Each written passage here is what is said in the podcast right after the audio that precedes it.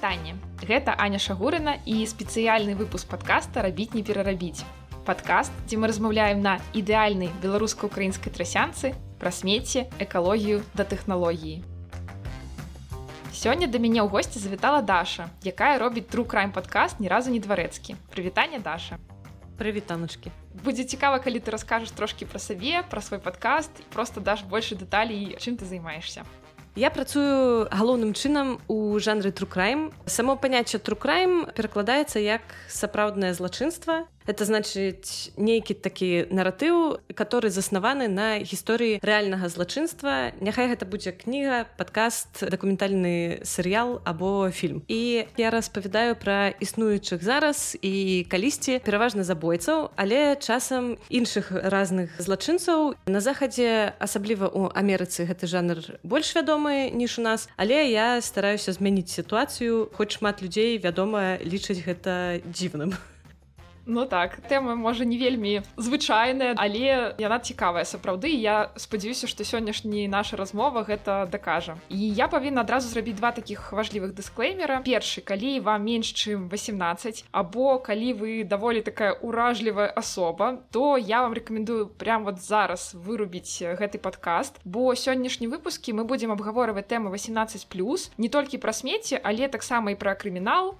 забойствы вось пра гэты самы трукрайм ды смеццёвую мафію. А другі важлівы дысклеймер які я хацела бы зрабіць гэта пра маю прыхільнасць да трукрайм на самой справе я такі фанат подкаста ні разу не дварэцкі і я вельмі рада што даша пагодзілась записывацца са мною для мяне гэта просто вось ведаеце як выйграць якісьці прыз бо я пачала слухаць подкаст дашы яшчэ калі толькі думала рабіць свой. Таму вельмі вельмі рада што ты пагадзілася на гэты запіс. Дзякуй вялікі гэта вельмі прыемна Раскажы, як ты прыйшла ўвогуле да таго, як рабіць такі свой падкаст, бо па маім назіранням падкастынг гэта такая зараз, канешне, вельмі папулярная тэма, але нават на такія цікавыя тэмы як трукрайм, гэта ўсё ж такі больш пра якое-то валанцёрства, актывізм і можа так ведаеш, патрабуе больш нашага часу, ніж мы атрымліваем штосьці ўзаем. Што ты думаеш пра гэта?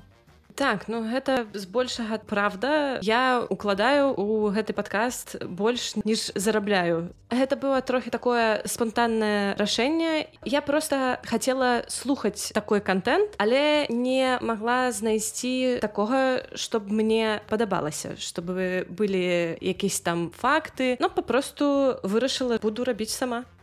Клас. і так і пачалося. Это на самой справе мне здаецца такі даволі папулярны уваход у тэму падкасцінга калі ты просто хочаш каб такога контента было больш і якось так. момант думаешь блин а чаму я не магу гэта рабіць? Моя гісторыя вельмі падобная таму так але цікава што по маім назіранням вось гэты валанцёрства да такі актывізм як мне здаецца больш все-таки прытаманна дзяўчынкам. Кажучы про экаактывізм вось я назіраю по сваёй аўдыторыі по падкасцінгу у мяне на Spotify гэта 77соткаў гэта дзяўчынкі узростам до 34 гадоў. Гэта ўвогуле не адзначае что хлопцам не цікава экаактывізм або яны ніяк да гэтага не датычацца. Але як-то такая тэндэнцыя что больш как-то дзяўчынкі до да гэтага схільны я вось гэта назіраю. Я таксама чула і пра трукрайм э, такія ж самыя чуткі што мол больш падабаецца дзяўчынкам. Як ты лічыш ці гэта сапраўды так? Што ты думаешь увогуле пра гэта ёсць ёсць розныя мемы на гэты тэмат. У мяне уласна так атрымліваецца что 50соткаў аўдыторыі гэта дзяўчаты жанчыны у веку гdzесь там ад 20 до 30 гадоў. Існуе такі сексісткі жарт что дзяўчата як бы падабаецца трукраем тому что мужчына уже прыняў рашэнне ўсё сам запланаваў а яшчэ і памыў подлогу о май гаш! Але ну звычайна гэта ўсё такія перабудовы і дамыслы. Э, ну я так лічу. Я асабіста не заўважыла значнага гендернага перакосу аўдыторыі. Ну і я думаю что гэты стэеатып паўстаў статыстыкі кніжных выдавніцтваў так як сапраўды большасць пакупачак дэтэктыўных раманаў трукраем гісторыяў гэта жанчыны але паводле майго разумення гэта верагодна звязана з тым что жанчыны увогуле часцей выбіраюць кнігу як якоесь там прыемнае часаванне сартаванне цікава. Я со свайго боку могу сказаць что мне вельмі падабаецца жанр трукрайма і з аднаго боку можа здавацца что забойствы гэта штосьці такое аддаленное ад нашага звычайнага жыцця что гэта дзесьці там у кніжках можа у навінах. Але на самой справе калі так паслухаеш гісторыі калі вот паслухаеш твой подкаст дарэчы усім раю паслухаць подкаст ні разу не дварецкі то здаецца что забойствы гэта на самой справе частка жыцця что гэта не так уж і далёка ад нас. Гэта такая сапраўдная важная важная гісторыя для абгаворання. Дарэчы як і смеце гэта не просто якасьці асобная тэма якая існуе сама по сабе а гэта частка нашага жыцця. І просто многія пытаюцца заплюшчваць вочы. Мне здаецца тут наши тэмы з табой схожыя што і на смеце і на забойствы. Людзі так ну не любяць да про гэта гаварыць лепей такі мы гэта просто вось заменём гэтую тэму і як-то так зробім выгляд што і не існуе але гэта важна. У выпадку нашай сённяшняй размовы нашай тэмы смецце гэта не просто тэма як я кажу частка нашага жыцця але яшчэ і як нечакана высветлілася яшчэ і частка крымінальнага свету ды нават забойств. Тут мы ўжо падбіраемся да такога самага цікавага і я задаю табе важнае пытанне як ты думаешь А я ўпэўнена, што ты не толькі думаеш, але і ведаеш, ці існуюць забойствы на глебе смецця. Так я сягоння прыйшла не з пустымі руками. Так так так. Прынесла некалькі гісторый Я думаю что усе чулі пра знакаміты смеццёвы крызіс у італіі італьянская мафія яшчэ з 80-х гадоў з дапамогай кантролю арганізацыі якія займаюцца вывазам смецця аказвае такі ціск на ўрад для ліберавання сваіх інтарэсаў. Самы яркі прыклад гэта неапаль у якім у перыяд з 2007 по 2012 рок праблема прыняла ну просто такі катастрафічны характар. Горад быў завалены смеццем які тут же на вуліцах і перыядычна падпальвалі. Зато мало хто ведае что са смеццем і мафіяй звязана некалькі давольна гучных забойств напрыклад першае 2 чэрвеня 2008 года у бары горада казальды прынчыпе быў застрэлены 43гадовы мікель Мішель Арсі. Он быў уладальнікам фірмы па перапрацоўцы смецця і як пазней высветлілася, быў аднім з галоўных святкаў в паліцыі па справе аб сувязях паміж палітыкамі і мафіёзі ў Неапалі. Паліцыя заявіла, што аднавіць карціну забойства немагчыма, паколькі ніхто са сведкаў не прызнаецца, што бачыў яго. Аднак пасля пошуку куль і гільзаў яны прыйшлі да высновы, што было выраблена не менш за 18 стрэлаў з двух аўтаматаў калібра 9 мм. Арсі быў двойчы параненым грудь і адзін раз як водзіцца ў галаву, што дазваляе выказаць здагадку, што ў класічным мафіёзным стылі адзін з забойцаў здзейсніў такі кантрольны стрэл калі мікель ужо ляжаў пры смерці. Але смерць арсі не была адзінчай. Усё пачалося 2 мая калі быў застрэлены умберта беданіеці он быў бацькай мафіёзнага боса які стаў сведкам на баку абвінавачання і гатовы быў даць паказанні супраць сына. Праз два тыдні пасля гэтага наёмныя забойцы забілі яшчэ бізнесмена, які падаў важныя сведчанні супраць мафіі ў судовым працэсе. Ну і пасля гэтага мафіёзі яшчэ пераапранутыя ў паліцэйская, запатрабавалі упусціць іх у кватэру якая належыць сваякам яшчэ аднаго сведкі на баку правасуддзя Ганны карына у яе былі адносіны з верхаводам аднаго з кланаў і яе паказання прывялі да арышту некалькі яго змоўшчыкаў. У дзень замаху дзяўчыны не было дома дзверы адкрыла яе племянніца і ей быў нанесены толькі адзін стрэл у жывот але дзяўчыну удалося выратаваць. Та гісторыя скончылася добра. Вось такія вот смеццевыя разборкі. Вядома што пасля гэтай серыі ключавыя сведкі відавочна аддавалі перавагу больш са следствам не супрацоўнічаць. І справа забуксавала гэтыя адносіны мафіёзныя. Як бы мы там не казалі што гэта гістарычная або кіношная такая выдумка пра паказанні супраць сына пра вось гэтыя все там цёркі але бачыць ў звычайным жыцці такія гісторыі трапляюцца выглядае так что весь гэты смеццевы бізнес ён даволі прываблівы таму і грошы там круцяцца і все гэтыя злачынствы трапляюцца А вы вось не хаце звяртаць увагу на смеце ой бачыце прашараны італьянцы вон уже давно робяць на гэтым віз мільёны і мільёны А мы тут не хацім сартаваць так але каб вы не думалі што мафія смецці існуюць толькі ў межах італіі я распавяду яшчэ пра адно забойства уже з нью-йорка 23 лютага 92 рока на гары клаусанд у раёне блауэльт гэта на поўнач ад нью-йорка каля ракі гудзон. Там было знойдзена цела кената хіпа. Яму было нанесена 83 нажавых раны пасля чаго цела скінулі ў яр і прыкрылі яго двумя кандыцыянерамі фанерай задняй часткай аўтамабіля і таким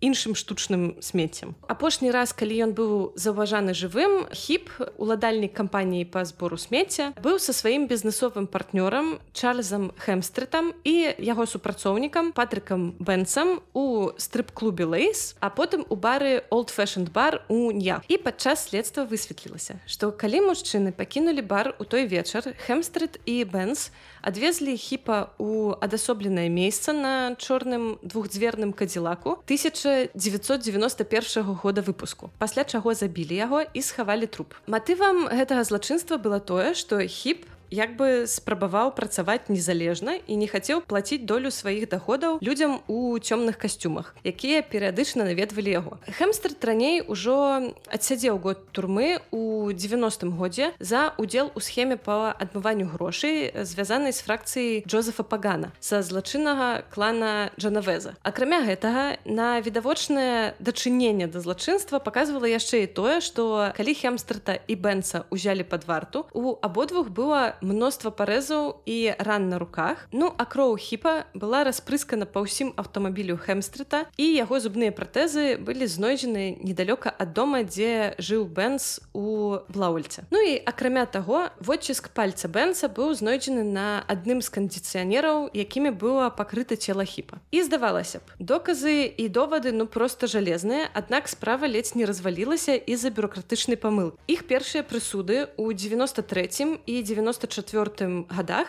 былі адмененыя ў 96 року апеляцыйным судом. Аднак быў праведзены іншы суд, на якім ім уже прысудзілі да 25 гадоў знявалення для кожнага. Правда, хэмстрату вынеслі прысуд без права на умоўна дэтэрмінаваная, А вось Бэнс мог падаць апеляцыю ў 2016 рок. Але зрабіў ён гэта ці не гісторыя замоўчвае пра далейшы іх лёс масавай аўдыторыі ўжо нічога не паведамлялася. Вось такія справы першае што хацела заўважыць цікава што ты кажаш што гэта гісторыя не з італіі але фаміліі джановеза штосьці мне нагадвае даволі такую італьянскую гісторыю таму мне здаецца італьянскі след смеццёвай мафіі нават і ў нью-йорк працягнуўся. То не тайна што амаль усе мафіёзныя кланы ну такія вялікія то такая італьянская традыцыя Да, на жаль. Усіх свае традыцыі бачыце і другой каментар які заўважыла вось пра тое што кровь была распыскана про то что там вот яны як-то так не вельмі акуратна працавалі. Канешне не хапала ім там якіхсьці мяшкоў для смецця да? Ну чаго ж вот яны? Ну як же? Ну можна ж было зрабіць все прыгожа да? Якісьці кліна пасля беда зрабіць просто прыбрацца. Ну чувакі як так? Так так вынесці смецця трэба было. Так ну такія людзі Гэта мы просто беларусы любім, чтобы было чыста. А яны італьянцы, здаецца, не вельмі да гэтага прагнуць. Ну і цікава, да, што як бы мы не ведаем, як гісторыя скончылася і то, што прысуды былі адмененыя. Вельмі странна і выглядае так, што лет якойсьці мафіі можа нават і італьянскай да знову ж такі быў і здесь і можа яны просто адкупіліся праз вось гэтыя нечыстыя грошы, а можа можа яшчэ якасьці прычына была якась там памылка з прысяжнымі. Хтось з них быў или заінтарэсаваны в гэтай справе или что-то было звязано з грошамі дакладна не магу паведаць. Слухай, ну да можа можа зноў ж такі кажу ж след італьянскай мафіі тут на шосьці нам тут наследзіў Але ж цікава, што мафія можа забіваць і не на прасткі, а як бы так з-пад цішка. То бок не абавязкова страляць у кагосьці, да і кровь там па машыне размазваць. Можа быць і больш такая складаная гісторыя. І тут я таксама звярнусь да Італіі і у асабістасці да ўсё ж таго ж Неаполя. Там у 25 кіламетрах ад гэтага горада ёсць месца, якое вядома як так званы трохвугольнік смерці. І там на самай справе жыве даволі шмат людзей дзесьці можа паўмільёна. Гэта прыблізна як насельніцтва цэлага гомеля. У гэтым неапальскім трохвугольніку сапраўды вельмі вялікі ўзровень смертнасці сярод местнага насельніцтва. І адбываецца гэта праз захворванне ракам. Высветлілася што у гэтым месцы яна удвое больш чым у сярэднім па італіі. І для мяне гэта выглядае вельмі падазрона. Але прычым тут смеце ды мафія спытаеце вы Справа ў тым, што якраз на тэрыторыі гэтага трохвугольніка знаходзіцца самая вялікая нелегальная звалка адходаў у Еўропе. І гэта выклікае высокі ўзровень смяротнасці, а ўсё з-за крызісу кіравання адходамі ў 90-х ды двухтысячных, пра які якраз мы гаварылі вышэй. Ну, як крызіс? Гэта не так, чтобы крызіс быў на самой справе. Просто не было належнай утылізацыі небяспечных адходаў. А павінны гэтым былі займацца розныя спецыяльныя арганізацыі. А на самой справе гэта рабілі злачынцы з мафіі. Включаючы вельмі вядомую групіроўку камора. Ну мне здаецца пра камору чулі ўжо усе гэты злачынцы стварылі вельмі прыбытковы бізнес па утылізацыі камунальных адходаў. Як сказаў адзін з падзельнікаў гэтай мафіі камора яго ўжо затрымалі смецце Гэта як золата. І тут як заўжды я скажу сваім падкасці то ў смеці можна пабачыць каштоўны ресурс але ў выпадку мафіі яны здаецца буквально гэта ўспрынялі і побачылі ў гэтым не просто каштоўны ресурс а літаральна грошы ды спосаб нелегальнага зароб мафія зарабляла грошы на эфектыўных контрактах схема была вельмі простая. Кампанія павінна правільна па ўсіх нормах і развяза утылізаваць небяспечнае смецце напрыклад медыцынскія адходы і за гэта атрымліваць грошы але гэтая мафія пры садзейнасці пабочных будаўнічых бізнесаў змешвала разам цяжкія металы прамысловыя адходы хімікаты бытавыя адходы і просто потым выкідала іх каля дарог або просто спальвала. І дарэчы гэта вельмі вельмі небяспечна.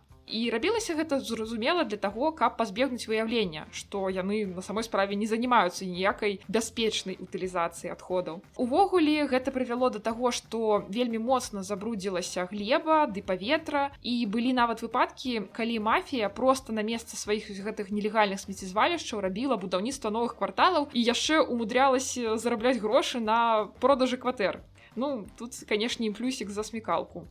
І я конечно хотела спадзявацца что гэта просто гісторыя якой ужо там месца у падручніках і что такого зараз няма Мне здаецца что можа для Еўропы гэта і так. Але я вось зараз жыву на балканах і тут як-то вельмі распаўсюджаны нелегальныя смецезвалішча я скажу то тут то там сустракаюцца падчас нават просто хайкінгу у нацыянальных парках. Я ўжо не кажу нават пра звычайныя месцы На жаль, мясцовыя улады часта глядзяць скрозь пальцы на такія сітуацыі. Дарэчы, тут і мафія сваё ёсць і пра гэта шмат пісалі, калі былі выбары. Таму вот увогуле не з'яўлюсь калі штосьці такое існуе на балканах з нелегальнымі свалкамі з будаўніцтвам з мафіяй. Мне здаецца тут гэта вельмі вельмі верагодна. Таму я даволі рада што мы робім падказ на беларускай мове бо ніякія балканскія ды італьянскія мафіозі наш падказ слухаць не будуць. Ну і мне гэта трошки спакойней што я не павінна там глядзець праз плячо калі хожу па вуліцах. Але тема цікавая Дарэчы, я попрошу вас нашыя паважаны слухачы об адной услугі. Калі вы слухаеце падкаст праз Apple подкаст або YouTube, то націсніце нам калі ласачка падабайку. Ты просіш, но просіш без павагі. Ты як зараз як кросны отец. Дякуй да. Ну тут тэма такая бачыце просто навеяла гэты настрой. А, і дарэчы, лепшай падзякай будзе, калі вы раскажаце пра гэты падкаст у коле сваёй такой сяброўскай мафіі і пра наш падкаст дазнаецца больш людзей і будзе яго слухаць. Дякую вам вялікі.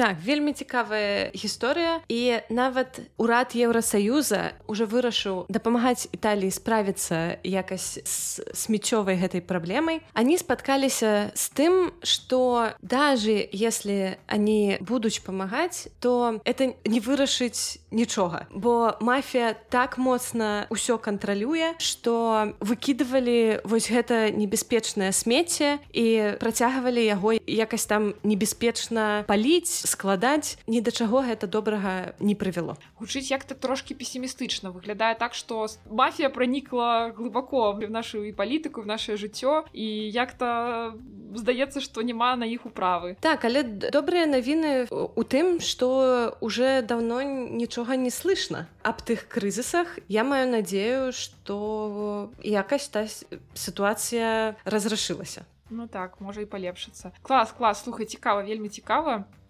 і мне здаецца увогуле размова атрымалась сёння пра не вельмі простую тэму а такую даволі можа складаную тут і трукрайм і смеццёвая мафія мы тут разумееце просто на грані размаўляем вось рызыкуем можна сказаць распавядаючы вам пра такія гострыя тэмы Таму дзякуй табе вялікі, што пагадзілася пагаварыць са мной і асабліва я табе ўдзячна за то, што размова была на беларускай мове. Я ведаю, што ты зараз вывучаеш польскую, таму я разумею, што гэта, гэта вельмі складана. У мяне ж таксама падкаст на беларуска-украінскай трасянцы. Сёння ў нас нават польскімі ноткамі, таму гэта вельмі класна. Трукраем на матчыны мове такога яшчэ ніхто не рабіў. Таму вось проста цябе падзяка, павага. І я вам вельмі раю слухаць падкаст ні разу не дварэцкі на ўсіх падкаст пляцоўкаў каб дазнацца пра стагольскі синдром про тое як трэба асцярожна заводзіць новыя знаёмствы і про тое як склалася жыццё такіх знакамітасцей кшталту чикаціла ды джек патрашитель і спойлер спойлер там все так не вельмі адназначна з гэтымі персонажамі таму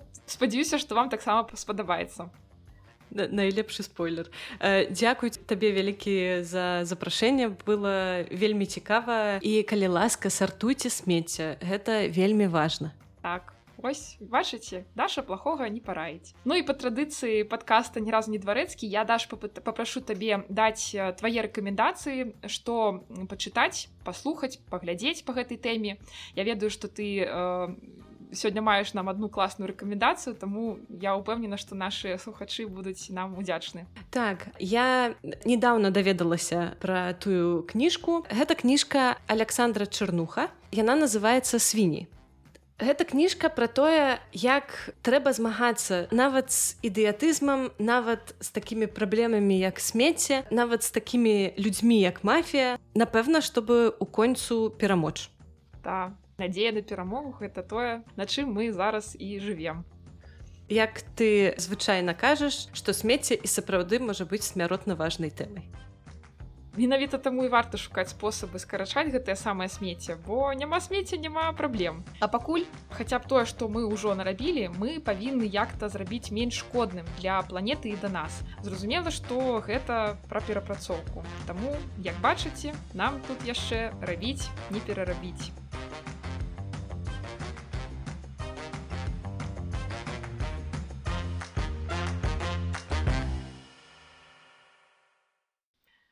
Пум-пум-пурум-пум-пум.